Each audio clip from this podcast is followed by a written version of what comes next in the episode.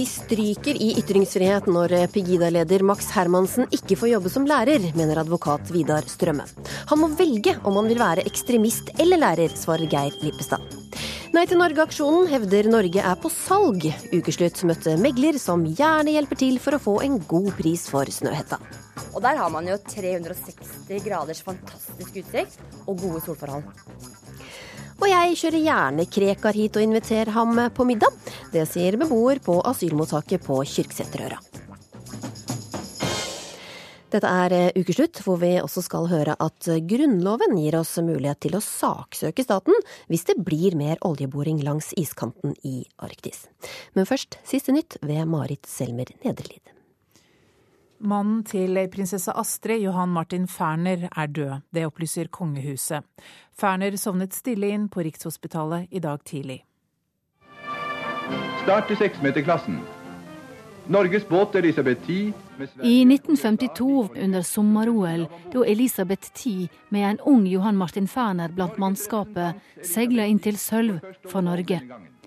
OL-helten ble senere bedt om å lære kronprinsbarna å seile, og i båtmiljøet møtte han den unge prinsessa, som først mange år senere skulle bli hans. Johan Martin Ferner var skilt. Forlovinga utløste en storm mot kongehuset.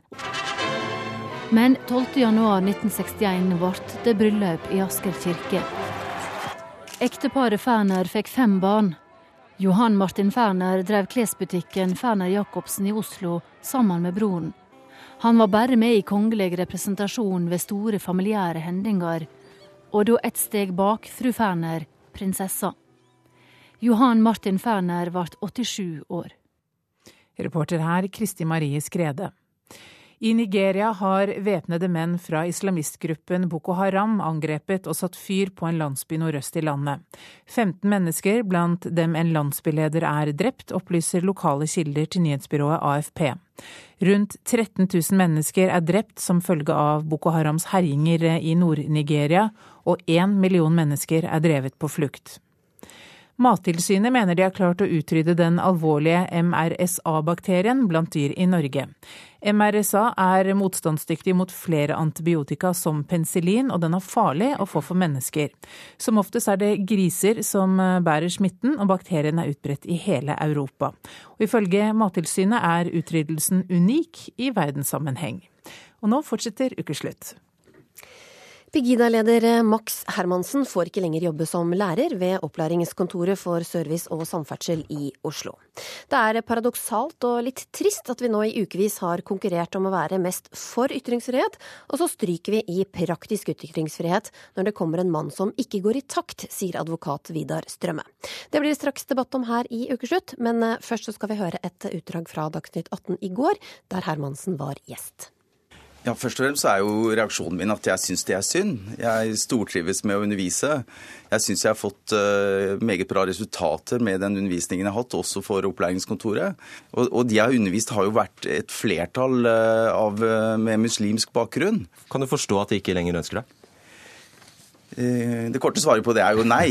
Jeg fronter jo en, en vanskelig sak som er ømtålig, hvor det er masse følelser. Men jeg kan ikke se noe annet enn at jeg er nødt til å ta opp denne saken. Har du noen gang behandlet elevene dine forskjellig pga. religion? Hele tiden.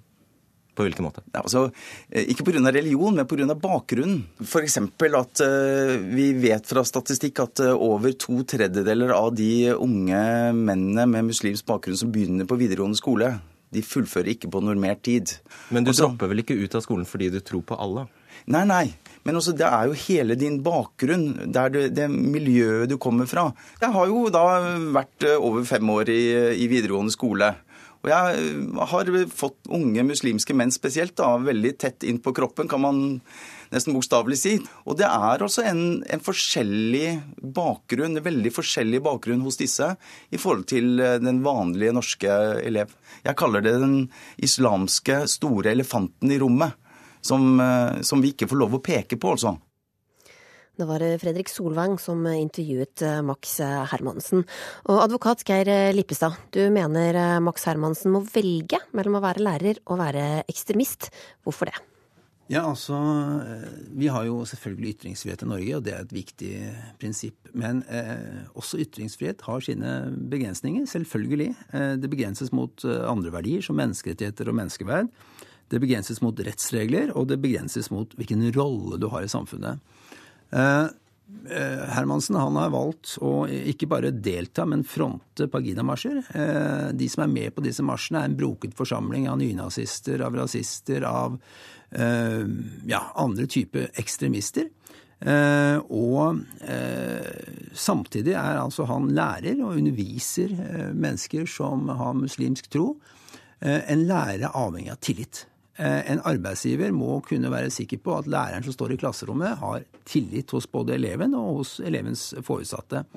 Og det er klart, Når du til de grader eh, stigmatiserer en gruppe eh, pga. deres tro, altså muslimer Han uttaler jo at eh, de andre forutsetninger. Han uttaler at de Ja, han, han uttaler rett og slett rasistisk i henhold til diskrimineringslovverket så, så, kan han ikke være i rollen som lærer. Han må gjerne få lov å gjøre det. Eh, han må gå i tog, han må få lov å si hva han vil, men han kan ikke være lærer. Selv om det ikke er i klasserommet han blir beskyldt for å si disse tingene? Ja, fordi dette Hans engasjement er så tydelig og er så øh, øh, ja, så, så, veldig tydelig. Han eh, fronter disse marsjene. Han er på eh, nasjonal TV. Han, han fronter det så tydelig at det er ingen, ingen, tvil om, når han også kommer inn i klasserommet, at han har eh, den kappen på seg. Um, og han sier jo også at han forskjellsbehandler eh, elevene etter hvilken tro de har i klasserommet. og Litt uklart for meg hva han mener med det, men, men, det er klart at hans tillit som lærer er jo betydelig svekket. Og da kan han ikke være lærer. Akkurat som en dommer i Oslo tingrett ikke kan gå et uh, uttale seg rasistisk og neste dag sitte og dømme mennesker med muslimsk tro. Det ville ikke gått. Uh, han har valgt den rollen, og da må han også passe på at han, uh, at han oppfører seg slik som arbeidsgiver, i hvert fall innenfor rimelige grenser, ønsker. Vidar Strømme, som eh, advokat så har du jobbet mye med ytringsfrihet. Er du enig at Hermansen ikke bør få fortsette som eh, lærer? Eh, for det første må man da vite litt klarere hva Hermansen mener. Det er litt uklart for meg, som for Lippestad. Lippestad sier at ytringsfriheten har grenser, og det er en selvfølgelighet man ofte uttaler. Spørsmålet er jo om de grensene er overskredet. Det er en vanlig erfaring at i offentlig forvaltning i Norge så praktiseres ytringsfriheten for snevert. I offentlig forvaltning, f.eks. i sykehus eller andre steder hvor, hvor man har eh, kritiske røster, de knebles ofte og får eh, reaksjoner. Og jeg har en krypende mistanke om at det samme kan være tilfellet for, for Hermansen. Men hvor ekstreme meninger kan man ha da, før det ikke lenger er greit? Um, når man eh, krysser grensen for det straffbare, f.eks. Eh, når man eh, ytrer seg på en måte som oppfordrer til vold og slike ting, så, så kan man jo ikke være lærer. Det, det er klart. Og så har jeg lyst til å si én ting. Når Lippestad snakker om styringsrett og, og tillit osv. I, I sånne saker, og tilbake fra Hoås-saken f.eks. på 80-tallet, så har det alltid vært nødvendig å, trekke en grense mellom hva man gjør som en privatperson, og hva man gjør i jobben sin. Og dersom det er mulig å trekke en sånn grense, som det er for en lærer eh, i en stor grad, i motsetning til en dommer. Hvis det er mulig, og vedkommende faktisk også klarer å trekke en grense, så eh, er det nok sånn at eh, det er lov å, gå i, mange slags rare tog på fritida og likevel være lærer. Lipstad, hvor mener du grensen går for hva man kan eh, mene i offentligheten og fortsatt være lærer? Ja, altså dette, dette er jo veldig komplisert, og det er jeg helt enig med, med eh, det som ble sagt. Eh, men, men, det er klart at det, dette går jo ikke på en kritisk røst. Altså Kritiske røster må man jo selvfølgelig akseptere. At en, en, en ansatt er kritisk til måten en bedrift ledes på, kritisk til ledelse. Alt dette her, det må man jo akseptere i stort monn. Men dette går jo på et menneskesyn. Rett og slett et menneskesyn, menneskesyn hvor Pagida eh, og de som har uttalt seg, i hvert fall så langt, fra den eh, bevegelsens side, helt åpenbart diskriminerer en eh, gruppe pga. deres tro. Altså at man har et, et, menneskesyn som er diskriminerende. Og når du er lærer, og du har i klassen din mennesker med mange forskjellige trosretninger, og mange mennesker som ikke tror, så om du da diskriminerer kristne, eller om du diskriminerer mennesker som ikke tror, eller muslimer, så, så ikke det, er ikke det forenlig med rollen som lærer. Fordi de som sitter i det klasserommet, de må ha en tro på at den læreren behandler oss likt. Denne læreren sier at jeg forskjellsbehandler folk etter tro. Muslimer behandler annerledes. Og så sier han det er fordi det er forskjellige forutsetninger. Hvordan all verden kan han si det? Eh, muslimer kan være vokst opp her i andre og tredje generasjon, og, og vi har muslimer som er leger og andre ting. Altså, det, det, er jo ikke slik at fordi man er muslim, så har man andre forutsetninger.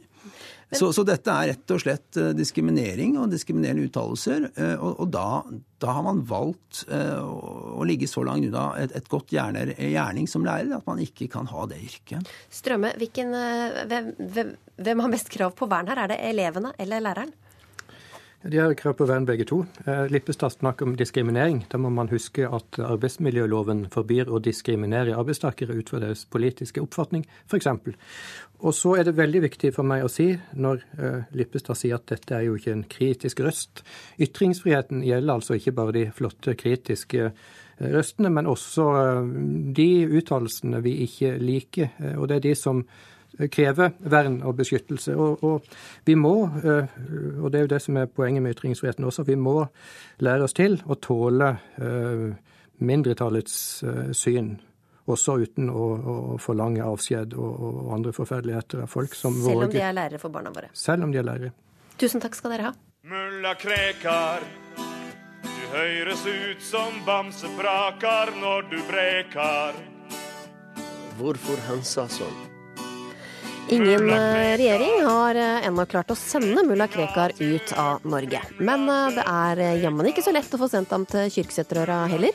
Først til uka ser retten på klagen på tvangsflyttinga av Krekar, så da kan Krekar glede seg til å komme hjem til Tøyen når han slipper ut av fengsel i morgen.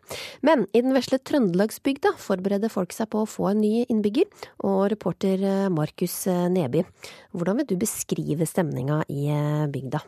Nei, stemninga Altså, jeg tror de syns det er litt eh, spennende med den eh, oppmerksomheten. I hvert fall de fleste jeg har prata med. Eh, de syns det er litt gøy, og at det skjer noe, virker det som. Folk er veldig imøtekommende, i hvert fall for meg som reporter. Og du har også snakket med flere folk på gata. La oss høre hva de sier. Hva, hva tenker du om å kunne se Krekar vandre rundt i bygda di? Helt ålreit. Han har aldri gjort noe gærent som person, har aldri uh, utøva noe vold. Og han er en liten kruttønne, det er han. Det er fattigtid, som vi sier i Trøndelag. Mm. men uh, jeg tror nok kanskje vi har veldig så farlige folk her. Nei, Jeg liker det ikke så gærent godt, egentlig ikke. Jeg tenker på sikkerheten, men det er litt mye styr rundt han. Ja. Hvordan tror du det blir å se han gå rundt på gata her? Tror han blir gående litt for seg sjøl, kanskje. Ja, Hva tenker du om at han uh, har truet statsministeren og er, blir sett på som en trussel? Nei, Uansett hvilken bakgrunn han har, så skal han jo ikke gjøre sånn. Uh, det, men han har jo sona straffa si for det. Ja, Hva tenker du om at du kan se han uh, gående rundt og kjøpe seg en bolle i, i bygda her? Nei, Det er ikke jeg så redd for. Det er mange andre folk som jeg mest er reddere for enn han, så det, det, tror jeg går bra. Hva slags folk? Nei, det, det, det, er ikke så farlig. Men altså, vi har alle noe å skjule, eh, og han eh, har altså mindre å skjule enn oss andre, tror jeg. Så. Ja.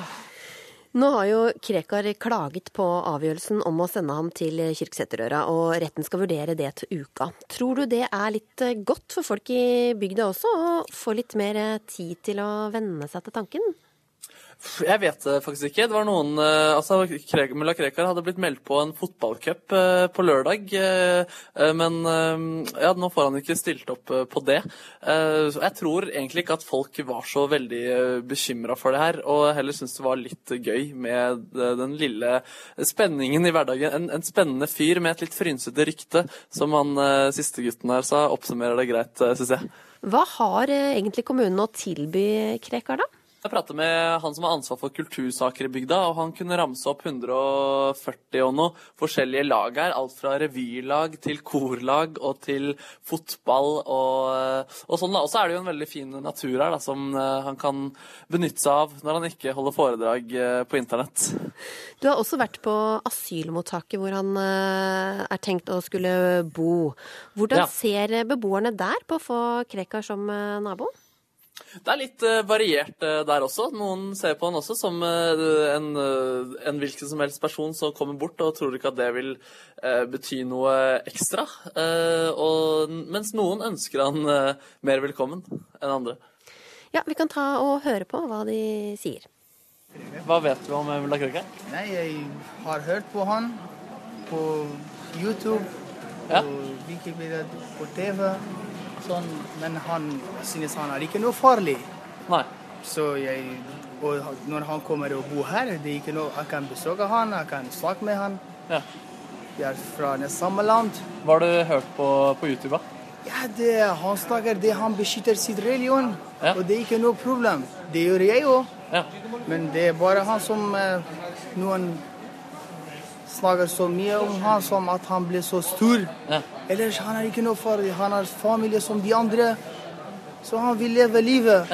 Men hvis det er rettferdighet, rettferdighet her i Norge, så la han si hva han, han vil. Ja. Han mener det. Men hva tenker du om at han startet Ansar al-Islam og truet eh, Erna Solberg, da? Ingen hadde et bra bevis at han har sagt det sånn, sånn, sånn, sånn. Og så alle gjør feil. Aldri si- feil. Ja. Aldri feil. Også Kanskje mulig. han har sagt det og han ikke mente det. Ja, så vi kan ikke ta det alvorlig sånn, alle tingene sånn. pst. Nei. Så, så hvis han har truet henne, så mener du at det er en dum ting? Jeg tror også her i Norge, for eksempel, hvis, jeg, hvis han, ja, han har sagt det, OK, men han har ikke gjort det. Nei, Han har bare sagt det. Ja, nemlig. Så du kommer til å omfavne Mullan når han kommer? Ja, jeg er velkommen. Også jeg, hvis jeg kunne jeg, eh, hvis jeg, jeg ønsket meg at jeg kunne kjørt han hit sjøl. Ja, nemlig.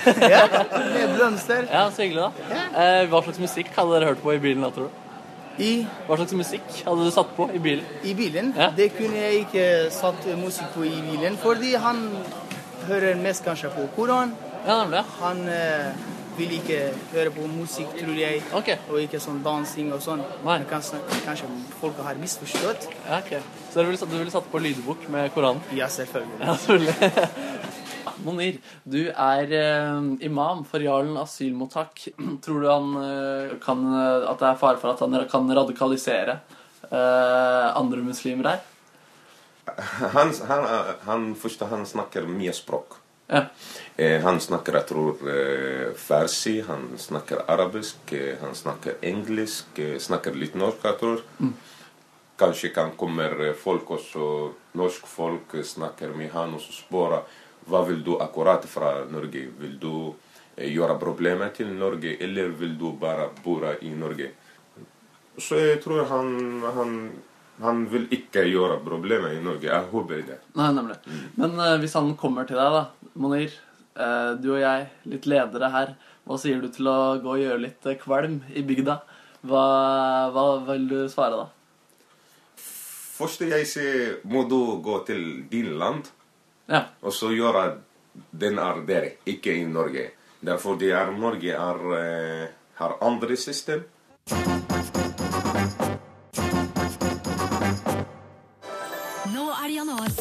Sjekk vårt enorme utvalg til fantastiske priser. Ta turen til januarsalget mens det fremdeles er januar, da. Januarsalg er vi godt vant med, men eh, mange har nok stussa over påstanden om at også landet vi bor i er til salgs. Selvsagt er det opprettet en klikkende folkeaksjon på Facebook mot disse planene. Men hvis regjeringa virkelig skal selge et lite stykke Norge, så er det kanskje greit å lage blest om det, lage en god annonse så vi får godt betalt. Reporter Kari Li oppsøkte ekspertisen. Det her er sjukt salg. Den ble solgt i går. Eiendomsmegler Karianne Amli viser ei boligannonse. Det er en toroms på Tøyen. Til 2,450. Den gikk for 3,1 millioner. Amli har lange, lyse lokker, pålimte øyevipper og kan ifølge kolleger selge gråstein som gull. Ganske stygge grønne blokker, men du har en eh, spektakulær utsikt. Og det er litt viktig vet du, for meglerspråket. Da fokuserer vi på at det er en flott utsikt. Snart skal den nye programlederen i TV3s Boligjakten på premierefest. Men ukeslutt har gitt henne et salgsobjekt hun ikke kan motstå. Kjøper du Dovre, så er du kongen av Dovre. Rett og slett. Da er du ikke kongen på haugen, da er du kongen av Dovre. Hvis du da skulle selge Dovre, da, skulle lage Finn-annonsen på det, hvordan skulle den da vært? Eh, det som er litt eh, kult med Dovre, er at det er god offentlig kommunikasjon. For man har jo Dovrebanen, den har vi hørt om. Noe annet jeg ville skrevet i prospektet, er vel at eh, det er lov med husdyrhold, så lenge det ikke er til sjenanse for de andre husdyra der, som da er moskus. Um, og så måtte jeg definitivt dratt fram Snøhetta, som er liksom det høyeste punktet på Dovre. Og der har man jo 360 graders fantastisk utsikt og gode solforhold. Så det er sånne ting som kanskje kan tiltrekke de rike folka, da. Fordi Dovre blir dyrt. Ja, Hva vil du anslå? Nei, altså det Da ville jeg heller skrevet eh, 'kontakt megler for mer informasjon'. For det er umulig å prise noe sånt. For ordens skyld. Dovre er ikke nevnt i regjeringens melding om et mangfoldig og verdiskapende eierskap. Men SAS, Flytoget, Entra, Mesta, Baneservice og Cermaq står på lista over selskap de vil kvitte seg med. Telenor og Kongsberg Gruppen vil de selge seg ned i. Samtidig pågår Statskog salg av utmark for fullt. Jeg vil jo ikke at de skal selge norske skogen. Eller norske landet. Vi har jo masse, massevis av penger, så vi trenger liksom ikke pengene til alle andre her i Norge, føler jeg. Det syns jeg er gærent. Ja. At eh, penger, som jeg sa, er null verdt om noen år, men eiendom bare, bare går opp i verdi. Titt ut av vinduet. Fotografen i Morgenbladet instruerer Ingebrigt Sten Jensen til å se ut av kjøkkenvinduet på Stabekk. Ingebrigt ser ut av vinduet med sitt skarpskårne ansikt. Reklamemannen er ikke snauere enn at han hjelper Ukeslutt med å finne orda. Denne uka har han snakka i radio, TV, aviser om folkeopprøret og argumentert mot regjeringens utsalgsplaner. Og det før han rakk å lese regjeringens salgsplan. Magefølelsen min forteller at dette ikke er riktig. Det er ikke et regnestykke for meg. Jeg bare kjenner det. Dette vil jeg ikke. Ikke sant? Dette er vårt. Det er ikke Elisabeth Aspakers torskestamme, selv om hun er eh, torskeminister, holdt jeg på å si. Det er ikke Sylvi Listhaugs utmark. Det er vår utmark. Det er ikke næringsministerens eh, eller samferdselsministerens flytog. Det er vårt flytog. Det er jo sånn at selger du eh, naturressurser, eh, så kan du ikke om Eh, etter et regjeringsskifte si vi har ombestemt oss og vil ha dem tilbake. Har du solgt dem, så er de borte. Men gjelder det Flytoget òg, som er rimelig nytt? Men, altså, Flytoget står eh, ikke eh, øverst sikkert på den lista over de største nasjonale skattene vi har. Det er altså en dritbra virksomhet som folk er glad i og setter pris på, og som tjener penger. Og da lurer jeg på hvorfor skal vi selge det da? Hittil har Facebook-sida til Nei til salg av Norge fått likes eller tommelen opp fra 20 000. Aksjonens nettside hadde per i går over 5200 underskrifter. De som er enig med regjeringen, mener det er altfor få til at Sten Jensen kan skryte av at han har folket i ryggen. Hvis man eh, drømmer vilt og vakkert, som man av og til må gjøre, så hadde det vært morsomt å ha norgesrekord. Da norske soldater skulle reise til Tyskland etter krigen og bidra til gjenreisingen av Tyskland, var det et forslag om at de skulle få med kondomer. Da reiste det norske folk seg i affekt og sa de skal ikke ha kondomer! Over 400 000 nordmenn. Den rekorden, den må vi ta. Men å sette i gang en massiv sånn hatkampanje mot eh, regjeringen fordi man er redd for det statlige norske eierskapet og at man selger Norge på billigpris og nyttårssalg, da syns jeg faktisk man, man, ikke bare overdriver, men, men nærmer seg nesten løgn. Høyres Heidi Nordby Lunde har tatt jobben med å forsvare regjeringens nedsalg. Hun innrømmer at det ikke har vært lett å møte Sten Jensens følelsesbaserte argumentasjon. Han rører sammen veldig mange ulike eh, deler av, av både eierskapsmelding, selskaper som man er investert i, og naturressurser som, som vil bli i Norge. Er det bedre at private eier enn at staten gjør det? Vi ser jo på noen selskaper, sånn som f.eks. Eh, SAS, har jo ikke vært en massiv suksess med staten som, eh, som eier, hvor det er hele tiden skattebetalerne som, eh, som holdes som nesten gissel uh, dersom som selskapet ikke går, klarer å gå med, med, overskudd. I Aker så investerte man uh, mye penger, ble uvenner med, med, ledelsen og tapte pengene. Så det at staten er en eier, er jo ikke noe garantist for at det nødvendigvis går bra. De statlige selskapene har ikke greid seg noe dårligere enn private. Snarere tvert imot ser det ut til.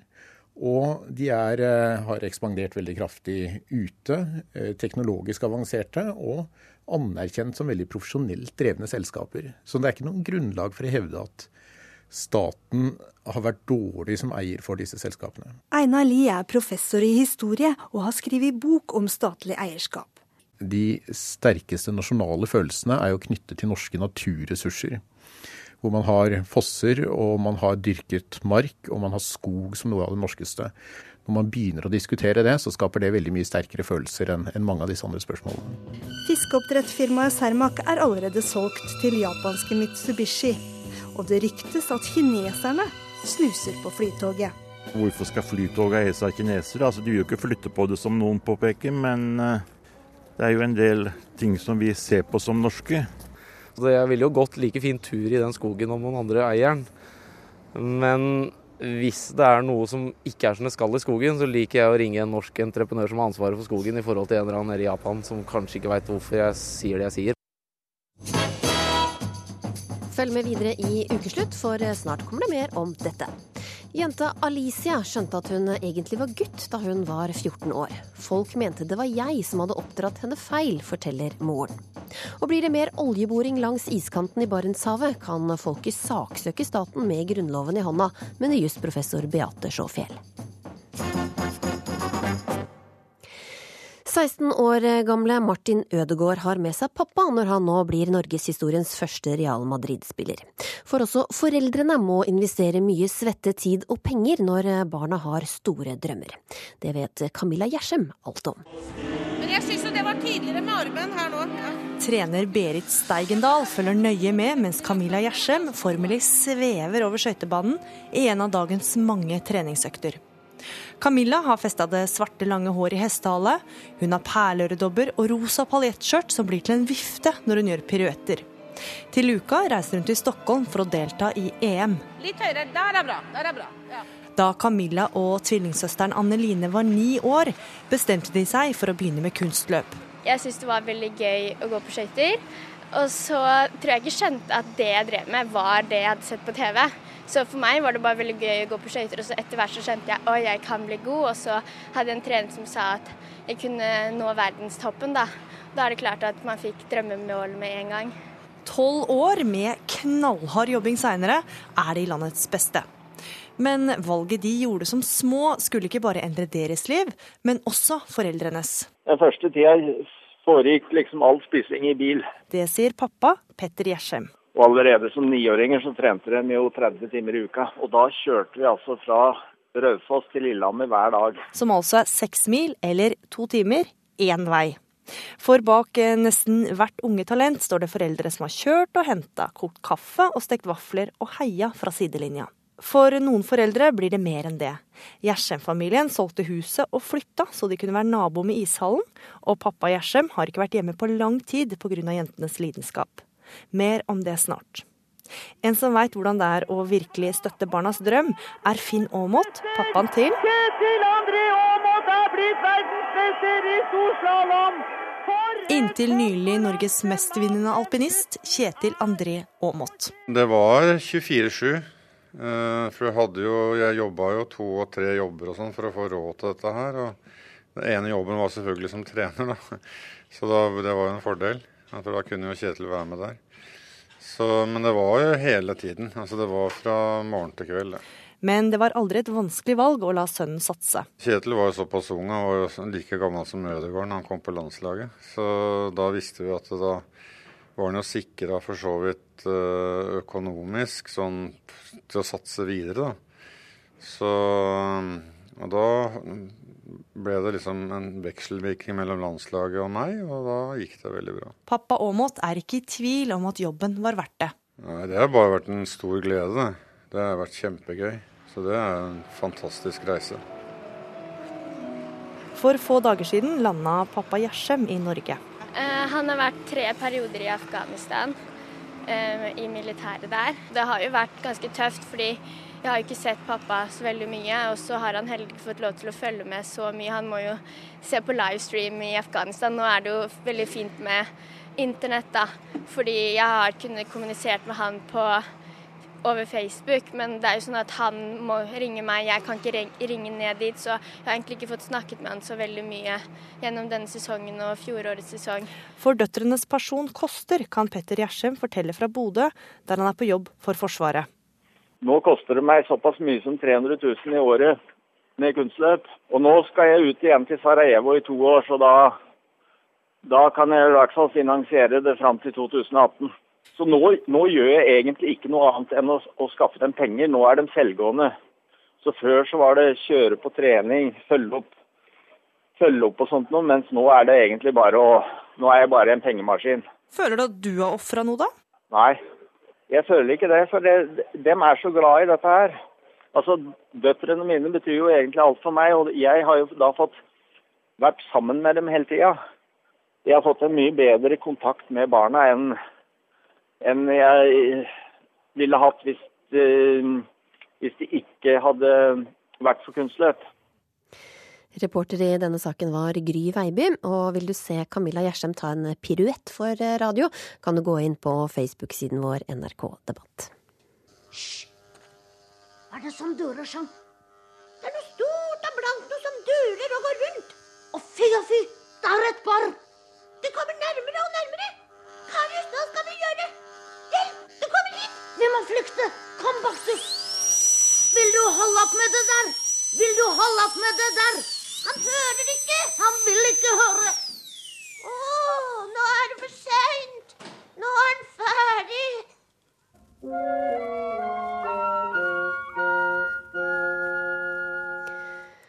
Motstanderne mot mer oljeboring i Barentshavet føler seg kanskje litt som Karius og Baktus etter at regjeringa denne uka sa de ville flytte iskanten nordover i Barentshavet.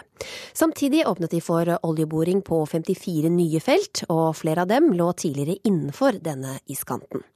Knut Ivar Bjørlikhaug fra Miljøpartiet De Grønne. Du skrev rett og slett 'Morna Nordpolen' i en, på, i en kronikk på NRK Ytring. Hva står på spill dersom vi utvider oljeboringa i Barentshavet? Ja, det, det, stemmer. Den kronikken kom som et resultat av at jeg først og fremst ble litt sint. Og veldig fortvila, fordi jeg mener at det går imot eh, både sunn fornuft og det går imot eh, det vitenskapen prøver å fortelle oss. At eh, begynner vi å tukle og tafse i det området her, så begynner vi å, å, å tukle og tafse med noen veldig sårbare økosystem som, som vi er avhengige av i et klimaperspektiv. Uh, og det å flytte grenser, det er jo naturlig med tanke på at isen smelter. Og jeg liker jo alltid å si noe om at klimaendringer, det, det har vi alltid hatt. Men uh, menneskeskapte klimaendringer, det har vi kanskje ikke alltid hatt. Og det, der har vi ganske solid ryggdekning fra vitenskapen, der 97,1% av forskerne er enige om at eh, vi er med på å framskynde disse her klimaendringene som vi ser nå. Og det er veldig bekymringsverdig, og jeg er veldig eh, bekymra for eh, neste generasjon og hva de skal ha å leve av. Du sier regjeringa utnytter denne, denne klimaendringa. På hvilken måte da? Nei, De utnytter den på den måten at de ser eh, enkelt og greit at ok, her smelter isen. Eh, hva smelter den for? Jo, vi vet at den smelter veldig raskt fordi eh, vi, vi, ser at vi er med på å bidra til menneskeskapte klimaendringer. Hva velger vi å gjøre med det? Jo, vi vil eh, bidra til å øke de eh, menneskeskapte klimaendringene med å bore og med å åpne opp for eh, olje- og gassvirksomhet i et område som er veldig sårbart. Petroleumspolitisk talsperson i Høyre, Tina Bru. Utnytter dere den globale oppvarmingen? Nei, men jeg tror det er, det er, viktig å starte med å si at det, det, har, det, vi har sett den uka som har vært nå, er på en måte at vi har hatt to debatter som har gått samtidig. Altså Den ene debatten har handlet om iskanten og hvor den faktisk går. Jeg mener absolutt, og det mener regjeringen også, at vi må beskytte det eh, miljøet perspektivet ved iskanten. Altså Vi skal ta vare på de verdiene som finnes der. Det skal man også gjøre i fremtiden. Men man er også nødt til å forholde seg til realitetene, som er at den har flyttet seg lenger nordover. Men beskytter man ved å, å, å bore etter olje der? Ja, altså Man har jo allerede olje- og gassaktivitet i Barentshavet fra før. Eh, nå skal man åpne nye, nye, noen nye områder. Eh, det vil ikke være noe verre å holde på aktivitet der enn det er andre steder. Så det er jo et totalt bilde. Og så har man veldig strenge HMS-krav på norsk sokkel. Man skal ta vare på miljøet. Det skal vi også sørge for å gjøre her. Men det er veldig viktig å si at det er jo ikke hyggelig at iskanten har flyttet seg, men den debatten er noe annet enn den debatten som jeg føler at Miljøpartiet De Grønne prøver å legge opp til, som egentlig er at de bruker denne debatten som en anledning til å igjen si at de vil ikke ha olje- og gassvirksomhet i Norge. Og det mener jeg er en annen debatt, og det er også en debatt jeg ikke er enig i. Eh, Knut Ivar, vi har, vi har, allerede masse uh, oljevirksomhet i Barentshavet. Hvilken rolle mm. spiller det at vi har litt til? jo, det Jeg syns jo det er ganske åpenlyst at uh, utvider vi uh, flere felt, uh, åpner opp for uh, olje- og gassvirksomhet i, i større skala så gjenger jo vi helt fullstendig feil vei i forhold til hva de faglige rådene prøver å fortelle oss, om at vi må faktisk la den oljen som vi kan finne, ligge. Hvis vi skal klare å nå, nå målet som, som FN og, og andre satt for oss, og som vi er enige med dem i. Men det er også her jeg mener at eh, Miljøpartiet De Grønne tar feil og bruker mm. faktaene på, og tallene på feil måte. Fordi at man henviser veldig ofte til IEA, altså Det internasjonale energibyrået. Man henviser til FN sine rapporter. Mm. Og der sier man jo at 60% av karbonreserven i verden må bli liggende. Det er helt riktig. Men mesteparten av dette er kull. Og så vet man samtidig at verden i fremtiden vil trenge mye mer energi enn det man bruker i dag. Det betyr ikke at vi ikke kommer til å trenge en kjempevekst i både fornybar og også på energieffektiviseringsbiten. Det kommer vi til å trenge. Men at verden kommer til å ha et kjempebehov også for olje og gass i fremtiden, det er helt opplagt. Og selv innen togradersscenarioet så eh, sier man at oljeproduksjonen skal ned med 36 Gassen skal kun ned med 5 Det betyr at man skal bruke nesten like mye gass i, innenfor togradersscenarioet i 2050 som det man gjør i dag. Det er absolutt rom for å opprettholde olje- og gassproduksjon på norsk sokkel, og vi skal være en del av den løsningen. Fordi vi jo har veldig strenge miljøkrav til vår utvinning, og vi produserer olje og gass med et veldig lavt karbonavtrykk. Det må telle i fremtiden, for det kommer til å bety noe i en verden som får et strengere klimaregime. Vi har også med oss eh, deg, Beate Sjåfjell. Du er eh, jusprofessor, og du og en rekke kolleger har skrevet i Aftenposten at det er grunnlag for å saksøke norske stat hvis oljeboringen fortsetter i nord. Eh, hvordan er det grunnlag for det? Altså, som, som jusprofessor så er jeg her opptatt av uh, vår egen grunnlov uh, som en ytterste skranke. Uh, for det er, det er, Grunnloven som trekker opp grensene for hva man kan gjøre i Norge. Og det er Grunnloven som trekker opp grensene som Høyre og Miljøpartiet De Grønne kan diskutere innenfor. Men, men når Grunnlovens Eh, plikter brytes, da, da må jeg som, eh, som jusprofessor eh, si fra. Ja, hvordan brytes det? Grunnlovens 112, som den har hett siden mai, 13. mai i fjor, da den, ble skjerpet, gir oss en rett til et levelig klima og miljø. Både for oss og for våre etterkommere. Og skjerpelsen i mai i fjor besto av at det nå er klargjort at staten har en plikt til å iverksette de nødvendige tiltak for å, for å gjennomføre dette her. Og kombinasjon av denne bestemmelsen og det naturvitenskapen eh, forteller oss, som um, Miljøpartiets representant og Høyres representant var i, i gang med å debattere, den, den, sier jo mer enn det som har kommet frem nå. For bl.a. i en, i en uh, ny artikkel fra Nature så, så, er det veldig klart at hvis man skal oppnå togradersmålet, så er det ingenting av olje- og gassreservene i Arktis som, som kan utvinnes. Tina Bru, det strider mot vår eh, grunnlovsfestede rett til et levelig klima og miljø? Det som står i Grunnloven, eh, jeg har også sjekket opp hva den paragrafen faktisk sier, og den andre delen av den paragrafen sier jo at naturens ressurser skal disponeres ut fra et langsiktig og allsidig betraktning som ivaretar denne rett også for etterslekten. Altså Den norske olje- og gassproduksjonen har tjent vårt velferdssamfunn svært godt. Det mener jeg det er grunn til at den skal få lov å gjøre i fremtiden også. Det betyr ikke at vi ikke må snakke om at vi må komme i gang med omstillingen, at vi må skaffe oss flere bein å stå på, og at vi er nødt til å ta noen store grep for å bringe verden videre til et lavutslippssamfunn. Men det å si at oljen i Arktis er den oljen som må bli liggende, altså det er jo en kjempehåndstrekning til alle produsenter av olje og gass andre steder i verden, i Saudi-Arabia, det er til kullgruvene i Europa. Altså Det er å si at ok, vi skal ikke drive med det her, må, men det behovet må dekkes uansett. Så da flytter du egentlig bare hvem som skal få dekke det behovet, til steder hvor de produserer med langt dårligere miljøkrav enn det vi gjør. Det syns ikke jeg er noen god løsning. Det er ut fra, statisk, eh, eh, et veldig statisk bilde. For Norge har eh, økonomiske muskler til å få til den omstillingen som, som, er nødvendig her i verden. Det ble vist til at, at verden har behov for enormt mye energi fremover, og det er riktig. Men det betyr ikke at den energien skal være fra olje og gass. Og det er også riktig at at olje- og gassutvinning har gjort Norge veldig rik. og Nettopp derfor så er vi i en posisjon til å endre dette. her. Men slipper vi ikke til verstingene da, slik som Brussel? Det er selvfølgelig en, en, risiko for at det vil bli utvinnet eh, mer andre steder hvis, hvis vi stanser.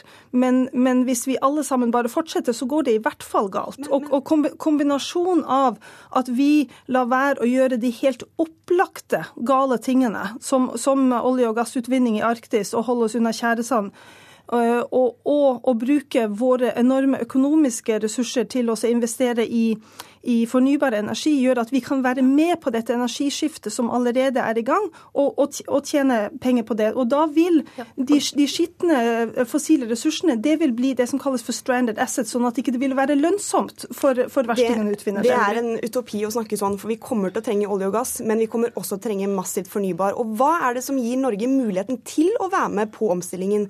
Jo, det er jo vår enorme rikdom.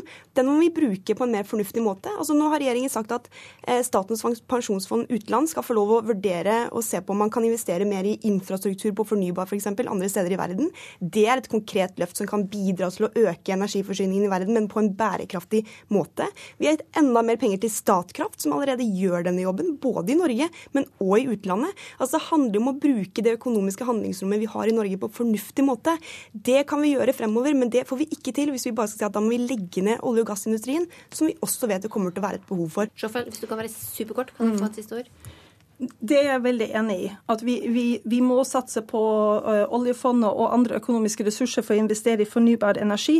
Men vi må holde oss unna Arktis, som er et av de mest sårbare områdene. Det har store lokale miljøkonsekvenser ved oljeutvinning der. Og det har en veldig stor negativ klimaeffekt også. Vi risikerer å tine opp permafrosten. 16 år gamle Alex ble født som jente, men eh, følte seg aldri som en jente. Radiodokumentaren fulgte Alex da han startet behandlinga som skulle sørge for at kroppen hans skulle gå fra jente til gutt. Vi skal straks høre om reaksjonene hele familien fikk, men eh, først et lite utdrag fra radiodokumentaren.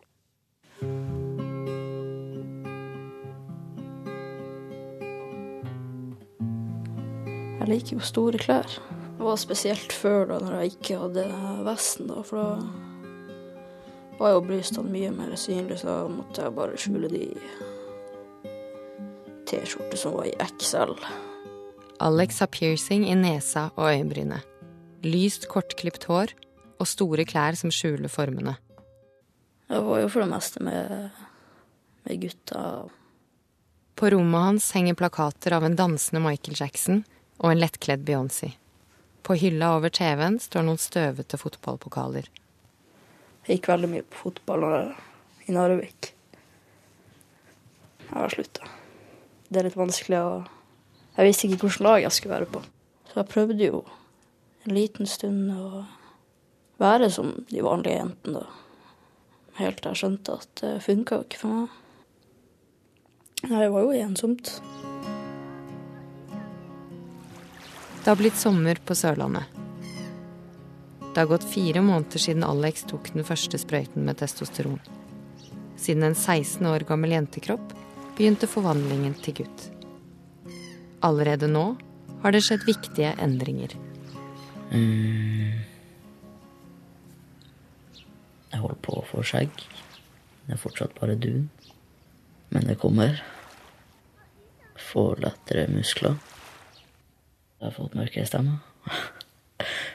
Hun kan høres ut som en gutt, ikke bare se ut som jeg, liksom. Det, det, det, tøffeste har jo vært å se at han på en måte har, har, begynt å forandre Altså, han har rett og slett forandra seg fysisk.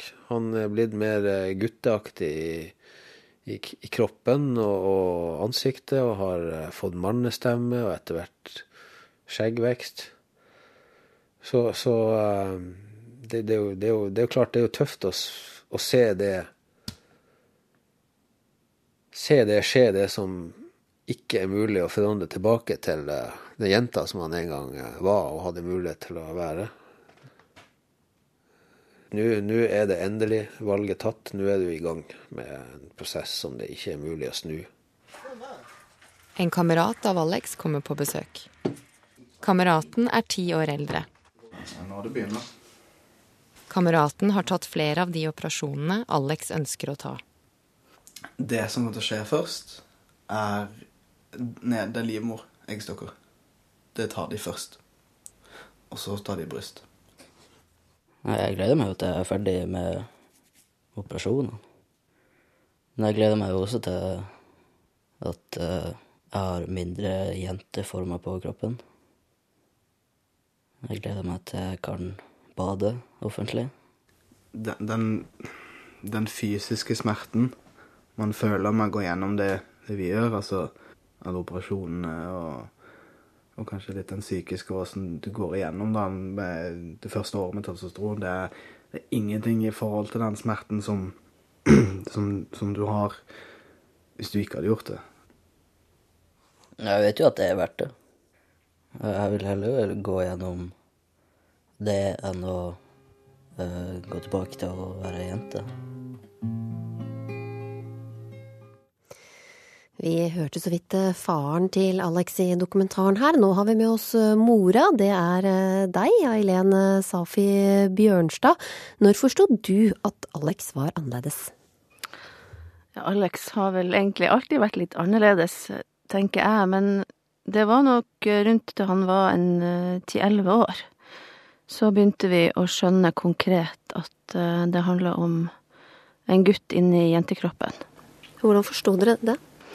Nei, det var såpass alvorlig at uh, Alex rett og slett prøvde å ta livet av seg. Vi hadde hatt en, en, prosess etter at vi flytta til Sørlandet. Han, den gang hun fant seg ikke til rette, og vi skjønte jo at det var et eller annet som ikke var som det skulle, men vi hadde ikke klart å finne ut konkret hva det var. Og det ble det da etter hvert satt ord på når han forsøkte å ta livet sitt, og og vi mer kom i konkret dialog eh, med han, rett og slett. Og hvordan forholdt dere dere til dette? Altså, selvmordsforsøk i seg sjøl er jo veldig traumatisk og dramatisk å forholde seg til, så det var jo det første vi tok tak i, og vi var jo veldig glad for at eh, han ikke klarte det. Um, og så var det jo å begynne å nøste, rett og slett. Det var jo ikke sånn at eh, det svaret 'ja, jeg vil være gutt', det kom med en gang etterpå. Det var jo en en ganske lang prosess med både med systemet, altså helsesystemet involvert, og mange samtaler oss imellom om hva det kunne være. Altså det at man ikke føler seg tilpass og vel og føler seg ikke som seg sjøl. Eh, klarte han nok å sette ord på etter hvert, men det tok litt tid. Eh, det, var, det var jo en heftig opplevelse både for meg som mamma, men for hele familien vi ble jo veldig synlige i, i lokalmiljøet, og det var nok Det var ganske belastende.